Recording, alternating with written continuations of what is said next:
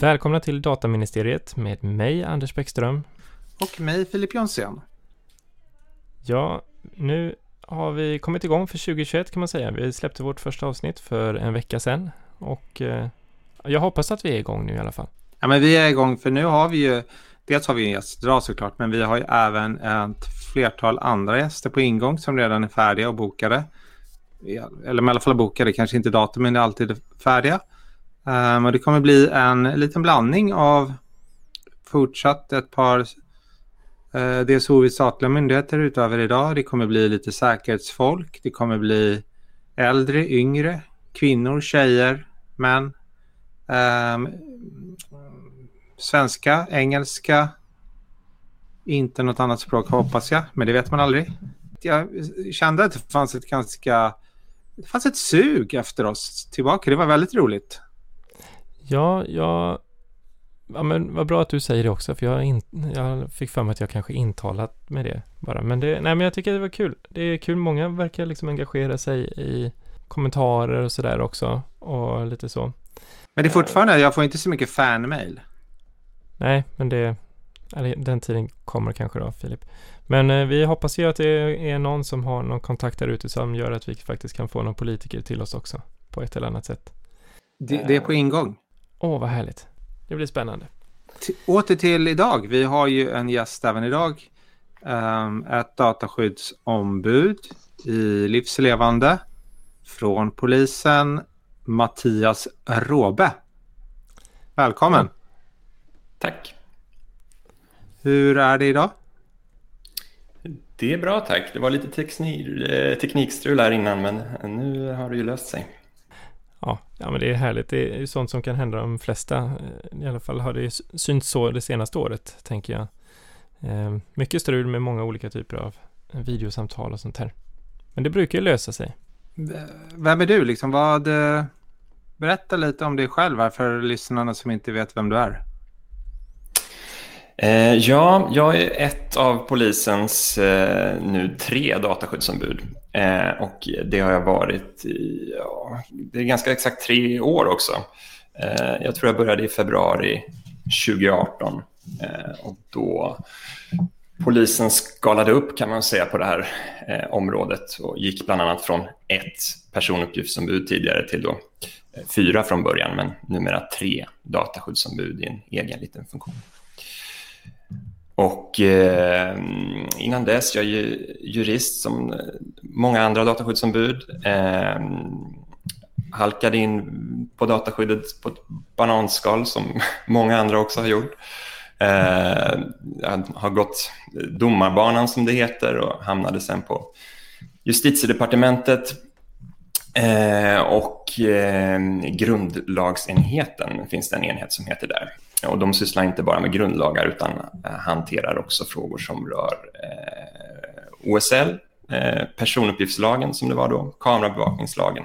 Eh, och då fick jag helt enkelt eh, bli handläggare för personuppgiftslagen som jag knappt hade hört talas om eh, då. Eh, men det var ju ganska bra timing för det pågick ju ett stort förhandlingsarbete och det skulle snart bli liksom eh, lite drag i de här frågorna. Vi kanske ska förklara vad domarbanan är för de som är, inte är helt bevandrade i, i vår terminologi. Det är ju då man lär sig juristlinjen. Sen kan man ju sitta ting, alltså vara tingsnotarie vid en tingsrätt. Sen är den är normalt två år eller ett och ett halvt år om man kan räkna av tidigare livs, arbetslivserfarenhet. Efter det söker man till en hovrätt eller en, vad heter det nu? Kammarrätt. Kammarrätt. Kammarrätt, exakt, tack. Och sen är man väl där, är det två år? Eh, ja, men då är man där i ett år och sen så går man ut på och dömer själv eller så. Är, är, är, lite mer självständig domare på, på tingsrätt då, eller förvaltningsrätt. Då. då kallas man ju fiskal. Precis. Och sen kan man ju är det ganska vanligt att man går till något departement för att samla på sig erfarenhet. Ja. Och sen kan man ju göra vad man vill. Man kan bli rådman, man kan göra som du, gå till en myndighet eller man kan ju gå till det privata eller ja. det är ganska vanligt att, att man, har jag förstått, att man gör sina fiskalsår och sen gör lite olika grejer. Ja, det är inte alla som kommer tillbaka och blir domare sen och i alla fall så gör man oftast en hel del emellan. Hur är det med dig då? Ska du bli domare? Eh, jag tror det kanske, någon gång. Var du i all förvaltningsrätt eller? All... Nej, utan i allmän domstol och därför hade jag ju heller aldrig knappt hört talas om HUL då, utan att man visste att det var något besvärligt som eh, gjorde att man inte fick skriva att ett vittne var sjukt eller sådär i, i dagboksbladet. Vil vilken tingsrätt var du tingsnotarie vid? Eh, jag var notarie vid Solna tingsrätt och sen var jag eh, fiskal i Attunda som ligger i Sollentuna. Ja. Och du tillträdde precis inför GDPR egentligen. Jag menar polisen har ju, har ju en mängd lagar att följa som rör personuppgiftsbehandling. Såklart eh, dataskyddsförordningen men då datalagen och alla tvångsmedelslagstiftning i rättegångsbalken och jag menar, det finns ju hur mycket som helst nästan. Jag har ju själv varit vid Säkerhetspolisen i ett stort antal år. Och där kan, frågan kan ju dyka upp ändå bland lyssnarna. Så här, hur, hur kommer det sig att polisen har tre dataskyddsombud? Ja, eh, nej men det har att göra med att det eh, dels är en stor organisation såklart man ska täcka, men det är också så att polisen har det finns fyra olika regelverk som, som kräver att polisen utser dataskyddsombud. Eh, och det är då GDPR som är ett och det är, är mitt fokusområde just nu. Eh, sen är det brottsdatalagen som du nämnde som eh, ju gäller istället för GDPR, eh, lite förenklat i, i den brottsbekämpande verksamheten. Eh, och så finns det också en specialreglering, man brukar kalla den för PNR-lagen. Den bygger också på ett EU-direktiv som går ut på att flygbolagen är, är skyldiga att skicka passagerarlistor till en särskild enhet vid polisen då för att den enheten jobbar mot terrorbrott och annan allvarlig brottslighet. Och det är så pass integritetskänsligt att det krävs ett särskilt dataskyddsombud för det. Eh, och sen har också ett Interpol ett eh, regelverk som säger att medlemsstaterna ska ha dataskyddsombud. Så det är fyra olika regelverk som vi delar på, på tre då. Och sen är det ju en, en intressant liten eh, aspekt är att i brottsdatalagen där uttryckligen står det att man kan vara ett eller flera dataskyddsombud. Till skillnad från i GDPR där det inte är samma skrivning. Nej, det är ju ibland lite otydligare kan jag tycka i, i, i GDPR. Fördelen lite med att jobba i en organisation som tillämpar båda de här regelverken är att man, man har det naturligt. Man kan gå till, till andra regelverket och jämföra och det finns svenska förarbeten och så där som gör att eh, man kan ha nytta av även vid, vid tolkningarna eh, av GDPR. Då som ju är en, liksom, i, i mycket högre utsträckning en, en kompromiss såklart, en förhandlingsprodukt. Och de här tre DSO som finns idag, sitter ni ihop i något team eller hur funkar det? Ja, precis. Vi har en egen liten funktion kan man säga som är liksom, har en, självständig ställning och sen har vi var och en av oss också en, en självständig ställning. Men vi är organisatoriskt placerade som en, som en del av, av rättsavdelningen centralt då, men eh, just nu faktiskt håller rättsavdelningen på med ett arbete att, att se över lite grann hur man ska vara organiserad och hur man ska jobba. Och i det ingår att, att titta på och utvärdera lite grann eh, dataskyddsombudens organisatoriska placering. Om det är bra att, att vara vid rättsavdelningen eller om man bör vara någon annanstans. Och eh, en känslig fråga, eller inte känslig, är inte alls tycker jag, men en intressant fråga som alltid kommer upp. Vem rapporterar du till? Eh, ja, nej men, eh, jag rapporterar till, till den högsta ledningen som är rikspolischefen då helt enkelt. Eh, genom ja, löpande avstämningar och, och föredragningar och sådär. Och det är också till, till honom som vi lämnar en årsrapport till exempel med, med rekommendationer och, och iakttagelser. Eh, sen kommunicerar vi såklart med en mängd liksom, andra chefer inom myndigheten som har olika typer av ansvar för att att se till att lagar och regler följs. Men eh, den formella rapporteringen den är till, till högsta ledningen, rikspolischefen. Och eh, alltså, polisen är ju ändå en myndighet som alla på något sätt känner till. Eh, det är ju svårt att undgå sådär. Men hur, hur är det egentligen att jobba på polisen? Hur har de här tre åren som du varit där, hur har de varit? Eh, nej, det har varit jättespännande såklart. Alltså, dels tycker jag, och det tycker jag man hör från många dataskyddsombud, att det är en väldigt givande, stimulerande roll att ha i en organisation. Man blir inblandad i mycket och kan förhoppningsvis påverka en, en hel del också, sätta sin eh, prägel på saker. Eh, och sen är ju polisen speciellt på många sätt och såklart jätte, eh, pågår jättespännande saker utvecklingsmässigt, metodmässigt där man liksom strävar efter att vässa sig. Så att de här, även om man inte kan tro det så är, så är integritetsfrågor och dataskyddsarbete ganska stort fokus på Polismyndigheten.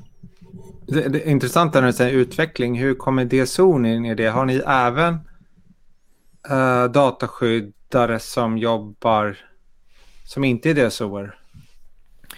Ja, annars skulle man nog inte räcka till. Utan eh, polisen har, kan det vara, ett 20-tal kanske, jurister som är specialiserade på dataskydd eller kamerabevakning eh, Eh, då, som jobbar både eh, centralt, nationellt och också ute i, i regionerna. Och sen finns det också andra roller såklart som jobbar med, med mest med dataskyddsfrågor ute i, liksom, i, i verksamheten. Så det är en ganska eh, stor apparat, och, men vi försöker liksom hålla isär de olika rollerna och, och, spela på att man har lite olika perspektiv och, och kommer in i lite olika skeden. Och, ja. För jag kommer ihåg när jag jobbade inom brottsbekämpande, då, då, det var ju då förändringen skedde. Så det blev en stor polismyndighet. Och, eh, det var väl före din tid. Och då fanns det ju en mängd olika personuppgiftsombud var det ju då ute på polismyndigheterna. Finns det liksom de personerna kvar men i en ny roll eller är de era förlängda arm eller hur funkar det? Eh, nej, det där har man nog ändå gått ifrån lite. Det var ju som du säger, det var ju liksom en väldigt, kunde vara en väldigt många personuppgiftsombud och också väldigt många eh, förteckningar då över personuppgiftsbehandling eftersom det var så många olika myndigheter, 21 lokala eller vad det nu var. Eh, men nej, men i varje region då, det är ju en polismyndighet men sju regioner. Så i varje region finns det dataskyddsjurister och dataskyddssamordnare och olika roller som vi nätverkar och samverkar med och, och för att alla frågor ska komma på bordet. Eh, vilka är det då som i de här utvecklingsprojekten? Är det, är det både de, får jag kalla det, linjejuristerna och DSO eller är det andra? Eh, Eh, nej, men det kan vara lite olika. Eh, lite, det, det, går liksom inte som DSO att, att vara involverad i, i liksom alla utvecklingsprojekt hands-on, utan man måste ju arbeta riskbaserat som det heter och, och fokusera på, på de större grejerna och där det, riskerna kan vara större och juridiken är svårare. Och där kan det bli lite parallellarbete, att det är både en jurist som är specialist på Eh, på dataskydd som ger den mer liksom hands-on juridiska eh, rådgivningen. Men som i sin tur stämmer av med, med mig som dataskyddsombud och som är med på samma möten i praktiken och, och liksom kommer med eh, samma typ av input. Så ibland eh, ja, men det blir flera ögon i, i samma, eh, i samma fråga. Eh, och som dataskyddsombud har man ju också en, en eh, ja, men det är en lite speciell roll och man, även om vi liksom nio, eller 99 gånger av 100 är överens med, med myndighetens jurister så kan det tänkas att man gör olika bedömningar och så där och då får man, då får man vara tydlig med det att man som, som dataskyddsombud eh, tycker något annat i en fråga och kanske har en annan rekommendation. Och så får myndigheten hantera och välja utifrån det.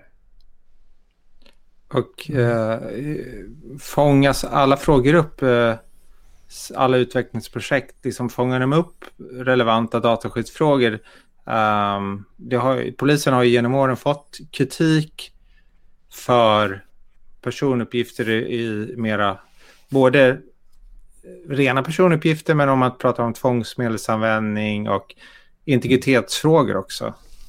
Eh, nej men jag tror eh, som sagt eh, en hel del av den kritiken ligger ändå före omorganisationen och före min tid i myndigheten. Så där. Så att, men som jag kan bedöma så, så har man jobbat eh, väldigt mycket med, med strukturella frågor, eh, organisation, metod för att fånga upp Eh, och arbeta strukturerat med dataskydd och integritetsfrågor med anledning av eh, vissa av de fallen som eh, du nog tänker på. Och, eh, det, har, det ledde också till regeringsuppdrag att, att just jobba med intern ansvarsfördelning och sen, så att det finns en helt annan struktur idag med en eh, polismyndighet eh, och ett eh, enhetligt tänk än det fanns då före 2015.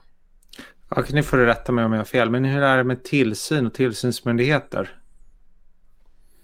Ja, men det finns ju en rad. Det är ju en av anledningarna kanske till att eh, polisen har fått en, en del kritik, att den är, myndigheten är väldigt hård tillsynad.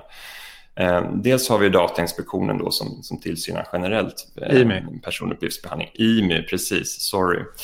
Eh, men vi har också den som heter SIN, Säkerhets och integritetsskyddsnämnden Eh, som är lite speciell och har tillsyn över eh, polisen och Säpos personuppgiftsbehandling och fokuserar på behandling av känsliga personuppgifter. Och de har ju också tillsynen över eh, de hemliga tvångsmedlen.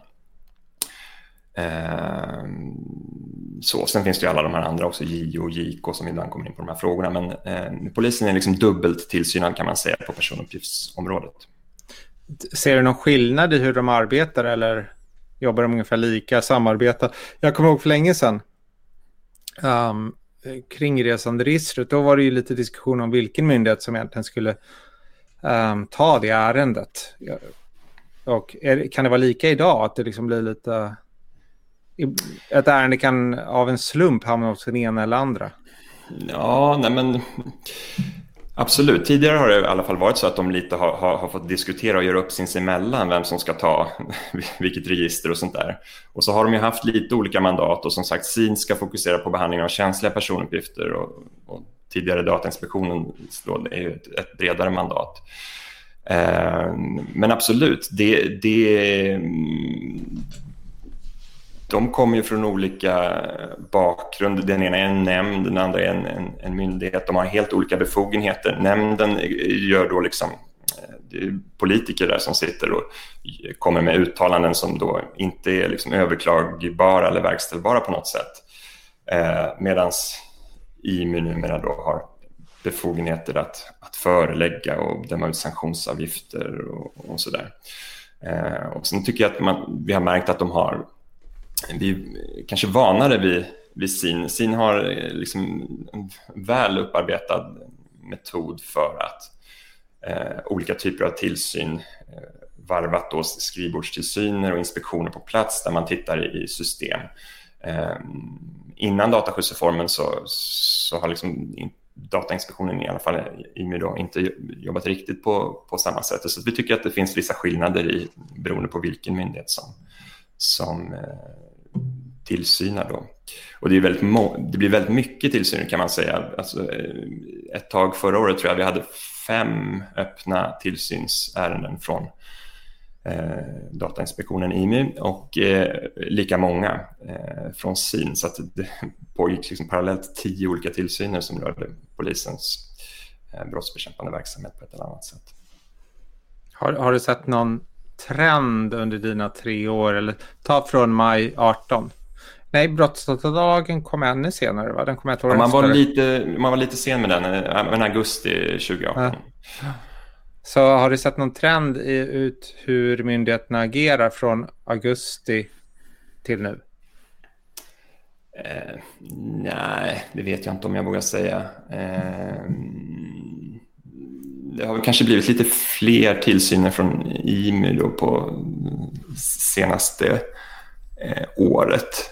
Eh, men om det är någon trend eller om det är en slump eller ja, eh, det vet jag inte. Sen vet jag att de, eh, de samverkar sinsemellan eh, också.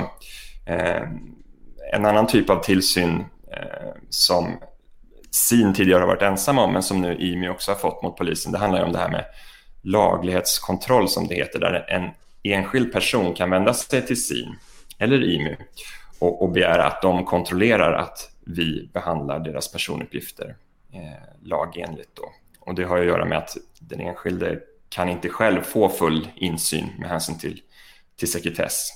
Utan då eh, kommer IMU eller eh, SIN till oss och vi gör slagningar i våra system och visar och sen får de då bedöma om det har varit lagligt eller inte. Där, jag jobbade jättemycket med SIN när jag var på Säpo. Jag, jag, jag tyckte jag var väldigt, eh, eller förtjust kanske låter överdrivet, men det var ett otroligt bra samarbete tyckte jag hela tiden. Att man, man kunde diskutera, man, man, man kunde som du nämnde, man tittade i systemet och visade hur man hade tänkt. Um, och man hade löpande möten. Jag, jag, vet inte hur många gånger jag träffade SIN under mina år. Alltså det var ju säkert en gång i månaden eller någonting. Kanske mer ibland. Um, där kan jag ju uppleva att IMY har en liten bit kvar i alla fall att vara den här diskussionsparten och att verkligen sätta sig in i hur jobbar tillsynsobjektet? Men det, det kanske är den här som du nämner att de, det är ganska nytt fortfarande för dem att ha den typen av tillsyn. De är ju, alltså SIN har ju fördelen av att kunna vara väldigt nischad också. De kan lära sig en eller två verksamheter då, om det är Säpo och eh, polisen. De kan lära sig exakt vilka system som används till vad eh, och ställa sina frågor utifrån det. De vet sedan tidigare tillsyner och inspektioner hur saker funkar och, och sådär. Eh, och vilka metoder man använder, inte minst inom underrättelseverksamheten som ju är ganska okänd för, för många. Eh, Medan IMI har ju det här liksom jättebreda. Sen har ju de såklart organiserat sig och har enheter med olika inriktningar, men det är fortfarande ganska brett så man förstår att det är inte lätt och, och vi som tillsynsobjekt måste ju verkligen anstränga oss för att eh, visa och förklara så att de får ett, ett bra underlag. Jag, jag, tror alla skulle bli lite besvikna om jag ändå inte ställde en fråga om det senaste tillsynsbeslutet. Vad heter det? Clearview. Ja, ställ din fråga. Finns det möjlighet att uh, berätta någonting om... Uh, mer, jag, jag, är faktiskt mycket mer intresserad av själva upplevelsen av att vara föremål för den tillsynen. Än liksom, sakfrågan kan man ju läsa sig till i yttrandet. Men i och med att det är fortfarande väldigt få som har varit varit föremål för en tillsyn tror jag många undrar över liksom, hur går det till? Och hur, hur fick de upp ögonen? Hur tog första kontakten och hur har liksom diskussionen gått? Eller förstår jag, jag, jag vill inte veta som sagt det som står där utan mera det som andra DSO kan ha hjälp av. Ja, nej men jag tror att de fick upp ögonen för den där frågan ungefär som jag fick upp ögonen för den. Att jag läste i någon eh, amerikansk media om att det hade läckt någon eh, lista på kunder till det här företaget Clearview. Ja, jag vet inte om alla vet vad, vad det är, men det, är ju ett, ett liksom lite kontroversiellt företag då som har som affärsupplägg att de skrapar internet eh, och sociala medier på, på bilder och lägger på en slags biometri då som, som gör att man kan söka med andra bilder mot den här, deras databas och se om man, man hittar någon eh, och vem den i så fall är. Ehm, men det hade helt enkelt läckt någon lista på användare till, till den här tjänsten och på den listan så fanns det då eh, olika myndigheter i, inom EU och, och Sverige. Ehm, och ehm, eh, när jag såg det där så jag kände inte igen att det hade varit några diskussioner inom polisen om just att Clearview kan vara något att titta på och sådär utan Eh, men eh, i lite förebyggande syfte så tog jag ändå fram en, en rekommendation som gick ut på att eh, det finns väldigt mycket tveksamheter rättsligt med den tjänsten och att myndigheten tills vidare borde gå ut med att den får inte användas. och det gjorde man också genom NOA och NFC, då, Nationellt forensiskt centrum, spred det budskapet snabbt. Eh, och sen några dagar senare så, så eh, fick vi en skrivelse då från, från eh, IMU att eh, de inledde en tillsyn och de inledde en tillsyn mot många myndigheter eh, där och med, med, en allmän fråga egentligen. Eh, känner ni till om, om den här appen eh, används inom er verksamhet? Eh, och då är det ju liksom ett undersökningsarbete som jag som dataskyddsombud inte är så involverad i. Eh, men det visade sig då för polisens del i alla fall då att jo, men det fanns enstaka användare över ett par års tid Eh, och det hade ju att göra med att det var möjligt att ladda hem någon gratis version av den här tjänsten. Så det var ju liksom inget som myndigheten i sig kände till eller hade sanktionerat, utan det här var några då som hade på eget initiativ laddat hem det här. Och då får man redovisa det för eh, IMU, det är inga konstigheter. Polisen har ju också en eh, intern eh, utredningsapparat, en avdelning för särskilda utredningar, så det gjordes också en anmälan dit då om misstänkt tjänstefel där de här personerna skulle ha brutit mot myndighetens riktlinjer och använt den här applikationen. Den, den lades sen ner, ska jag säga. Eh, och sen blev det ju en, en omgång till med frågor då helt enkelt när vi har förklarat att jo, det finns vissa användare, myndigheten har inte känt till det, därför har vi inte kunnat göra några rättsliga överväganden eh, inför den här användningen.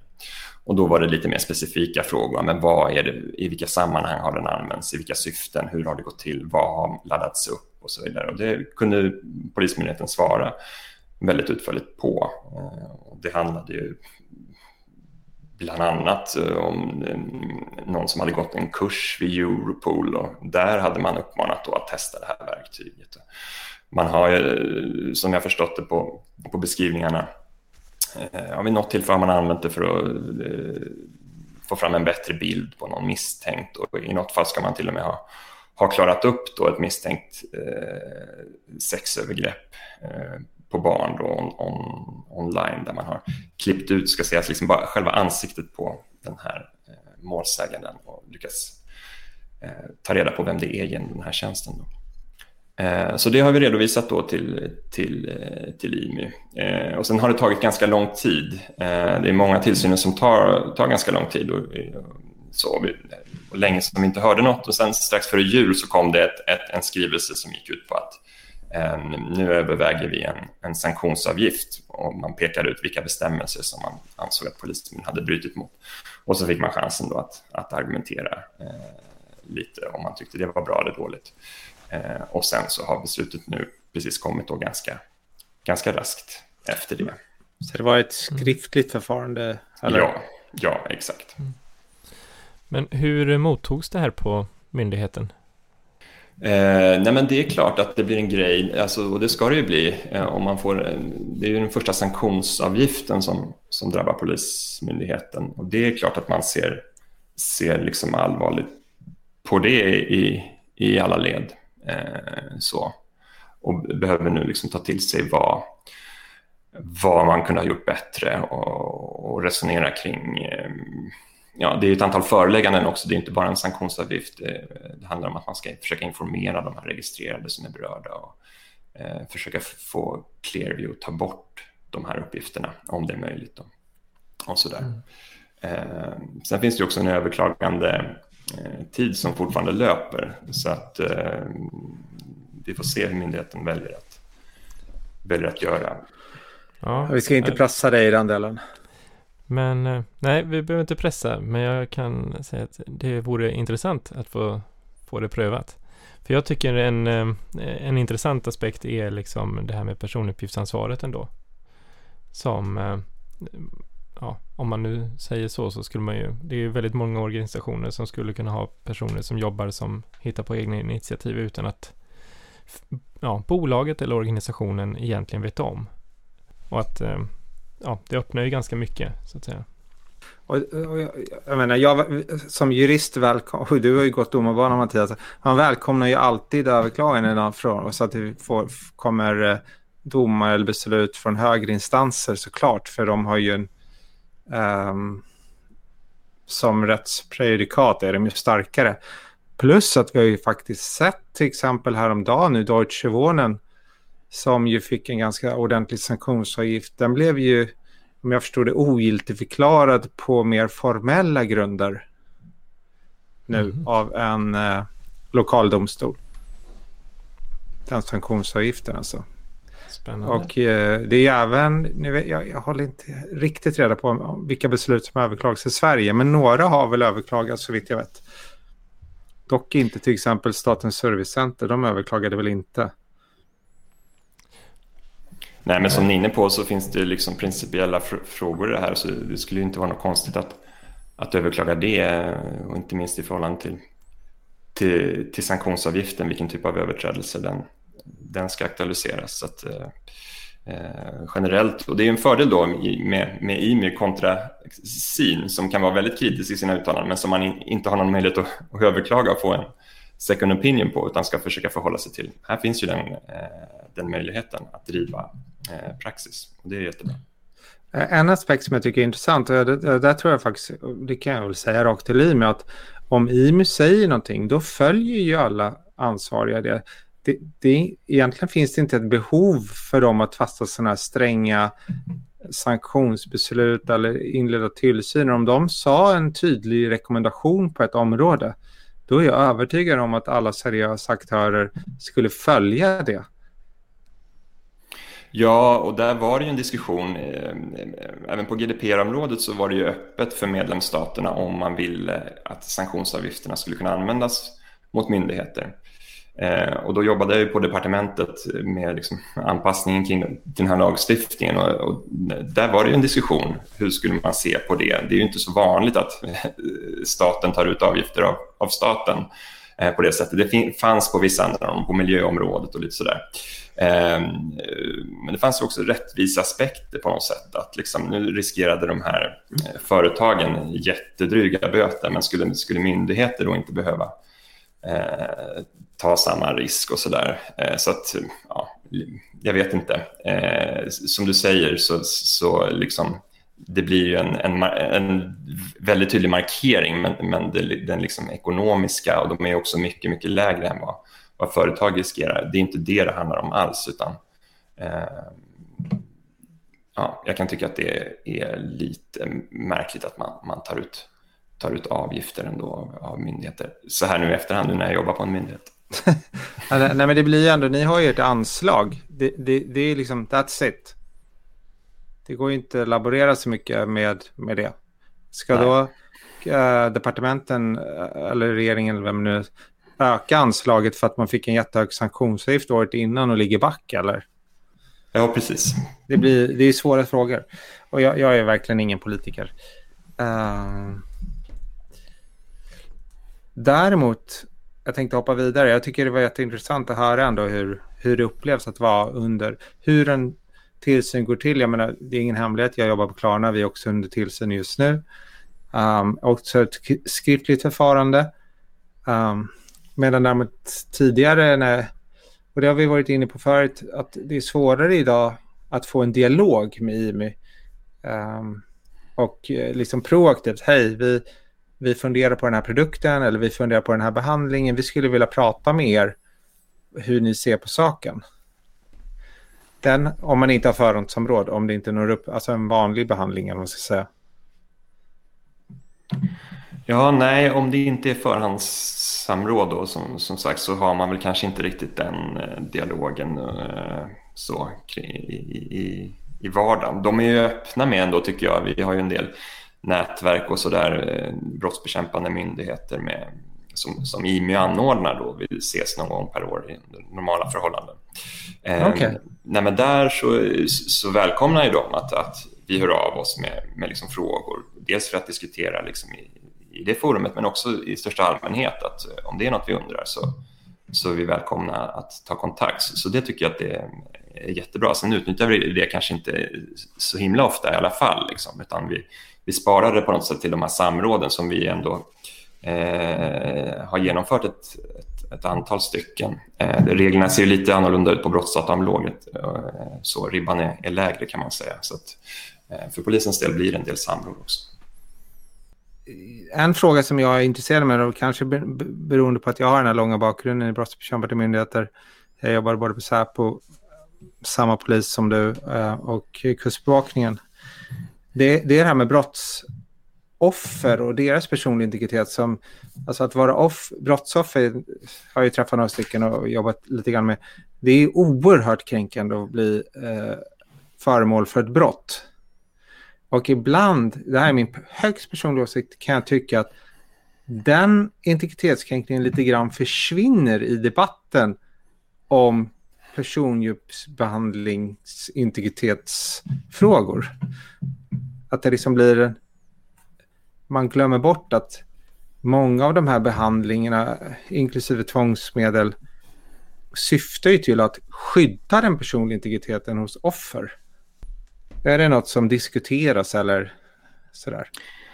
Ja, absolut. Eh, jag håller med dig. Eh, och det framför polisen många gånger i remissvar eller eh, konsekvensbedömningar och sådär, både i förhållande till departementet och kanske också IMI. Eh, att just, precis som du säger, det, alltså det är nog det blir lätt en diskussion om övervakningssamhälle eller inte, att det är någon slags alternativ då. Eh, och eh, jag håller helt med dig att det är nog få saker ändå som är så integritetskränkande som att bli, bli utsatt för ett brott, om det är en, ett liksom ID-bedrägeri eller ett, ett inbrott eller ett sexuellt övergrepp så, så har ju staten också ett ansvar att, att skydda enskilda och skapa ett tryggt samhälle och rättsväsendet måste ju ha möjligheter att eh,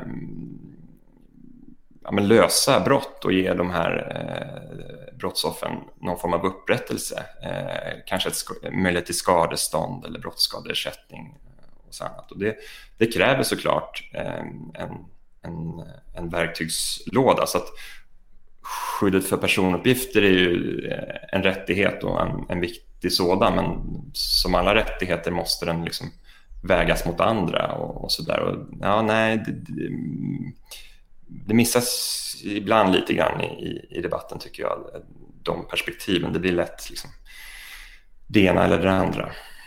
Jag tänkte så här med, med Polismyndigheten, är det liksom så att eller hur upplever du det från myndighetens sida? Är det så att de flesta ändå har liksom, menar att man tycker att dataskyddslagstiftningen är en bra lagstiftning eller ser man delar av det eller stora delar, delar av det eller alltihop som eh, att det hindrar liksom brottsutredning till viss del?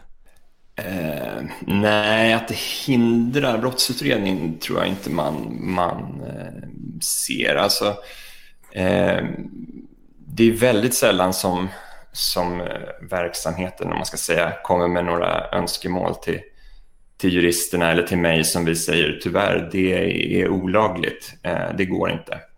Eh, så, utan det kan istället bli ett besked att ja, det där får vi titta närmare på och fundera hur man skulle rigga det i så fall och, och så där. Och det kan såklart bli en, liksom, ja, upplevas störande att, att saker ska ta tid och man vet inte riktigt. Och, Eh, och så kanske inte blir exakt som man vill. Men det är nog inte unikt för polisen. Alltså det, det tror jag att det, det där har man i alla verksamheter.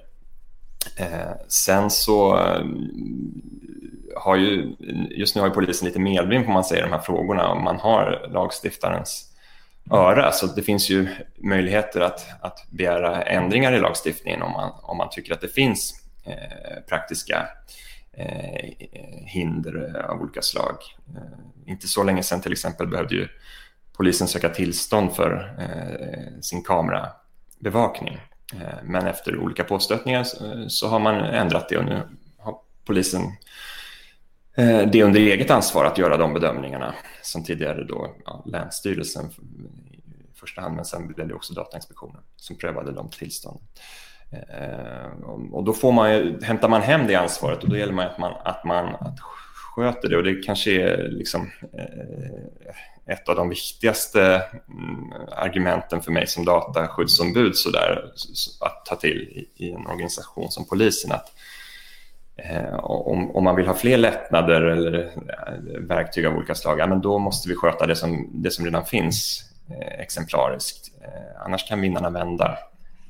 Ja, det kan väl, kan väl gå eh, fort så. Men eh, hur, alltså, apropå det här med Clearview och, och ansiktsigenkänning och sånt, finns det, finns det inom polisen, eh, ja, utreder man den typen av, eh, vad ska man säga, verktyg också? Alltså just med ansiktsigenkänning eller håller man sig undan det? Eh, eller finns det sådana strömningar där man vill försöka använda den nya tekniken till, till eh, brottsutredning helt enkelt?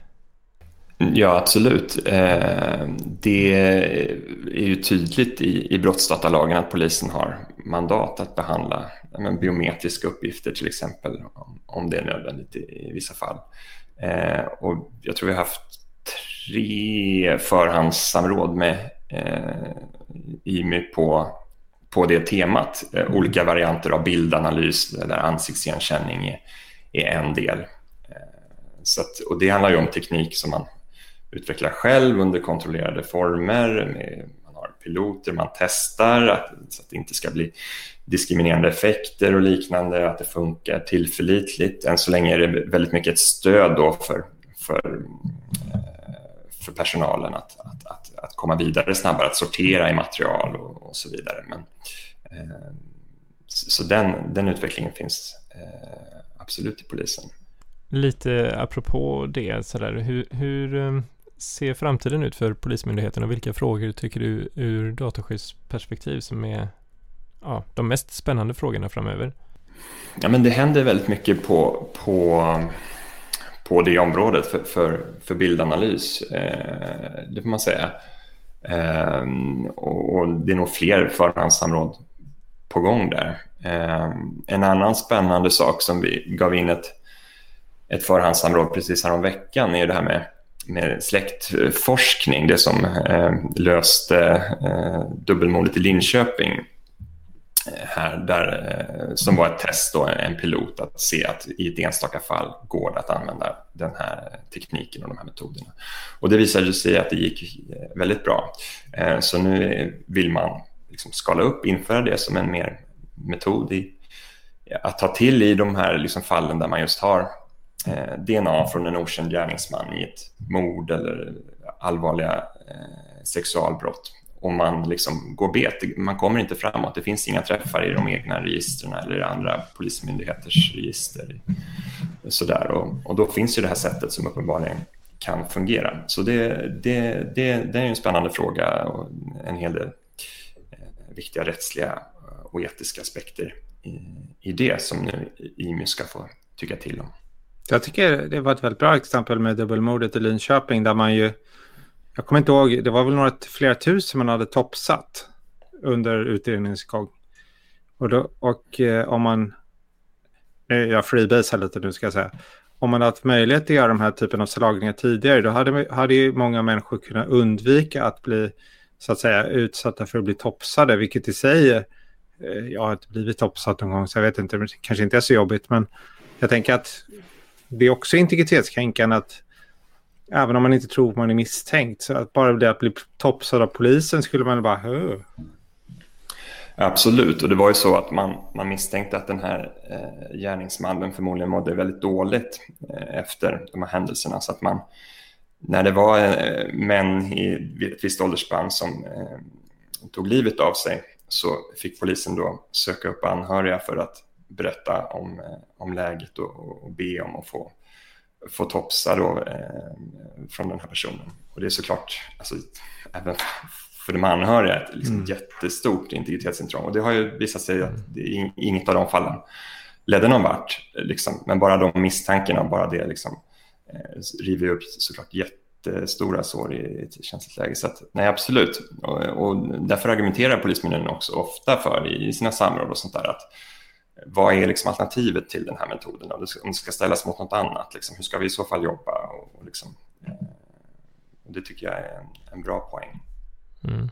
Ställs det, liksom, väcker det där också frågor om tredjelandsöverföringar och sådär, eller? Ja, lite, men eh, reglerna är ju lite annorlunda i, i brottsdatalagen än i, än i GDPR. Eh, men absolut behöver man fundera lite på, på vilket rättsligt stöd som, som finns. Och, Eh, just i det här fallet, eh, normalt enligt brottsdatalagen så handlar det om att man överför saker till en, till en annan brottsbekämpande myndighet i, i tredje land. Men det finns också lite specialregler kring eh, den här typen av överföringar då till en eh, privat aktör. Eh, och ja, men ganska strikta krav kring när det får ske och man ska göra en intresseavvägning om enskildas rättigheter i fokus och så där. Så att, eh, den av, avvägningen behöver polisen göra och har gjort och kommit fram till att det här bör kunna ske. Ja, men det låter ju som en, som en spännande framtid. Men eh, vi kan väl, jag tycker det var otroligt intressant att höra och jag tror verkligen att lyssnarna också tycker det är intressant att höra hur ett DSOs, DSOs heter det, ja, vardag ser ut och liksom vilka frågor det är och, och även en inblick i polisen som man kanske inte alltid får även om man skulle kunna begära ut massa handlingar från Ymir säger man. inte riktigt detsamma. Nej, det är inte detsamma. Men det, nej, men det är spännande de här tycker jag. Mitt liv som DSO. Kan bli en film kanske. Eller poddavsnitt. Det, det var det här avsnittet. Ja, men eh, vi avslutar där då. Tack så jättemycket Mattias för att du ville vara med oss i Dataministeriet. Och eh, lycka till med ärendena framöver. Tack. Och tack alla ni som har lyssnat för att ni lyssnat. Ha det gott!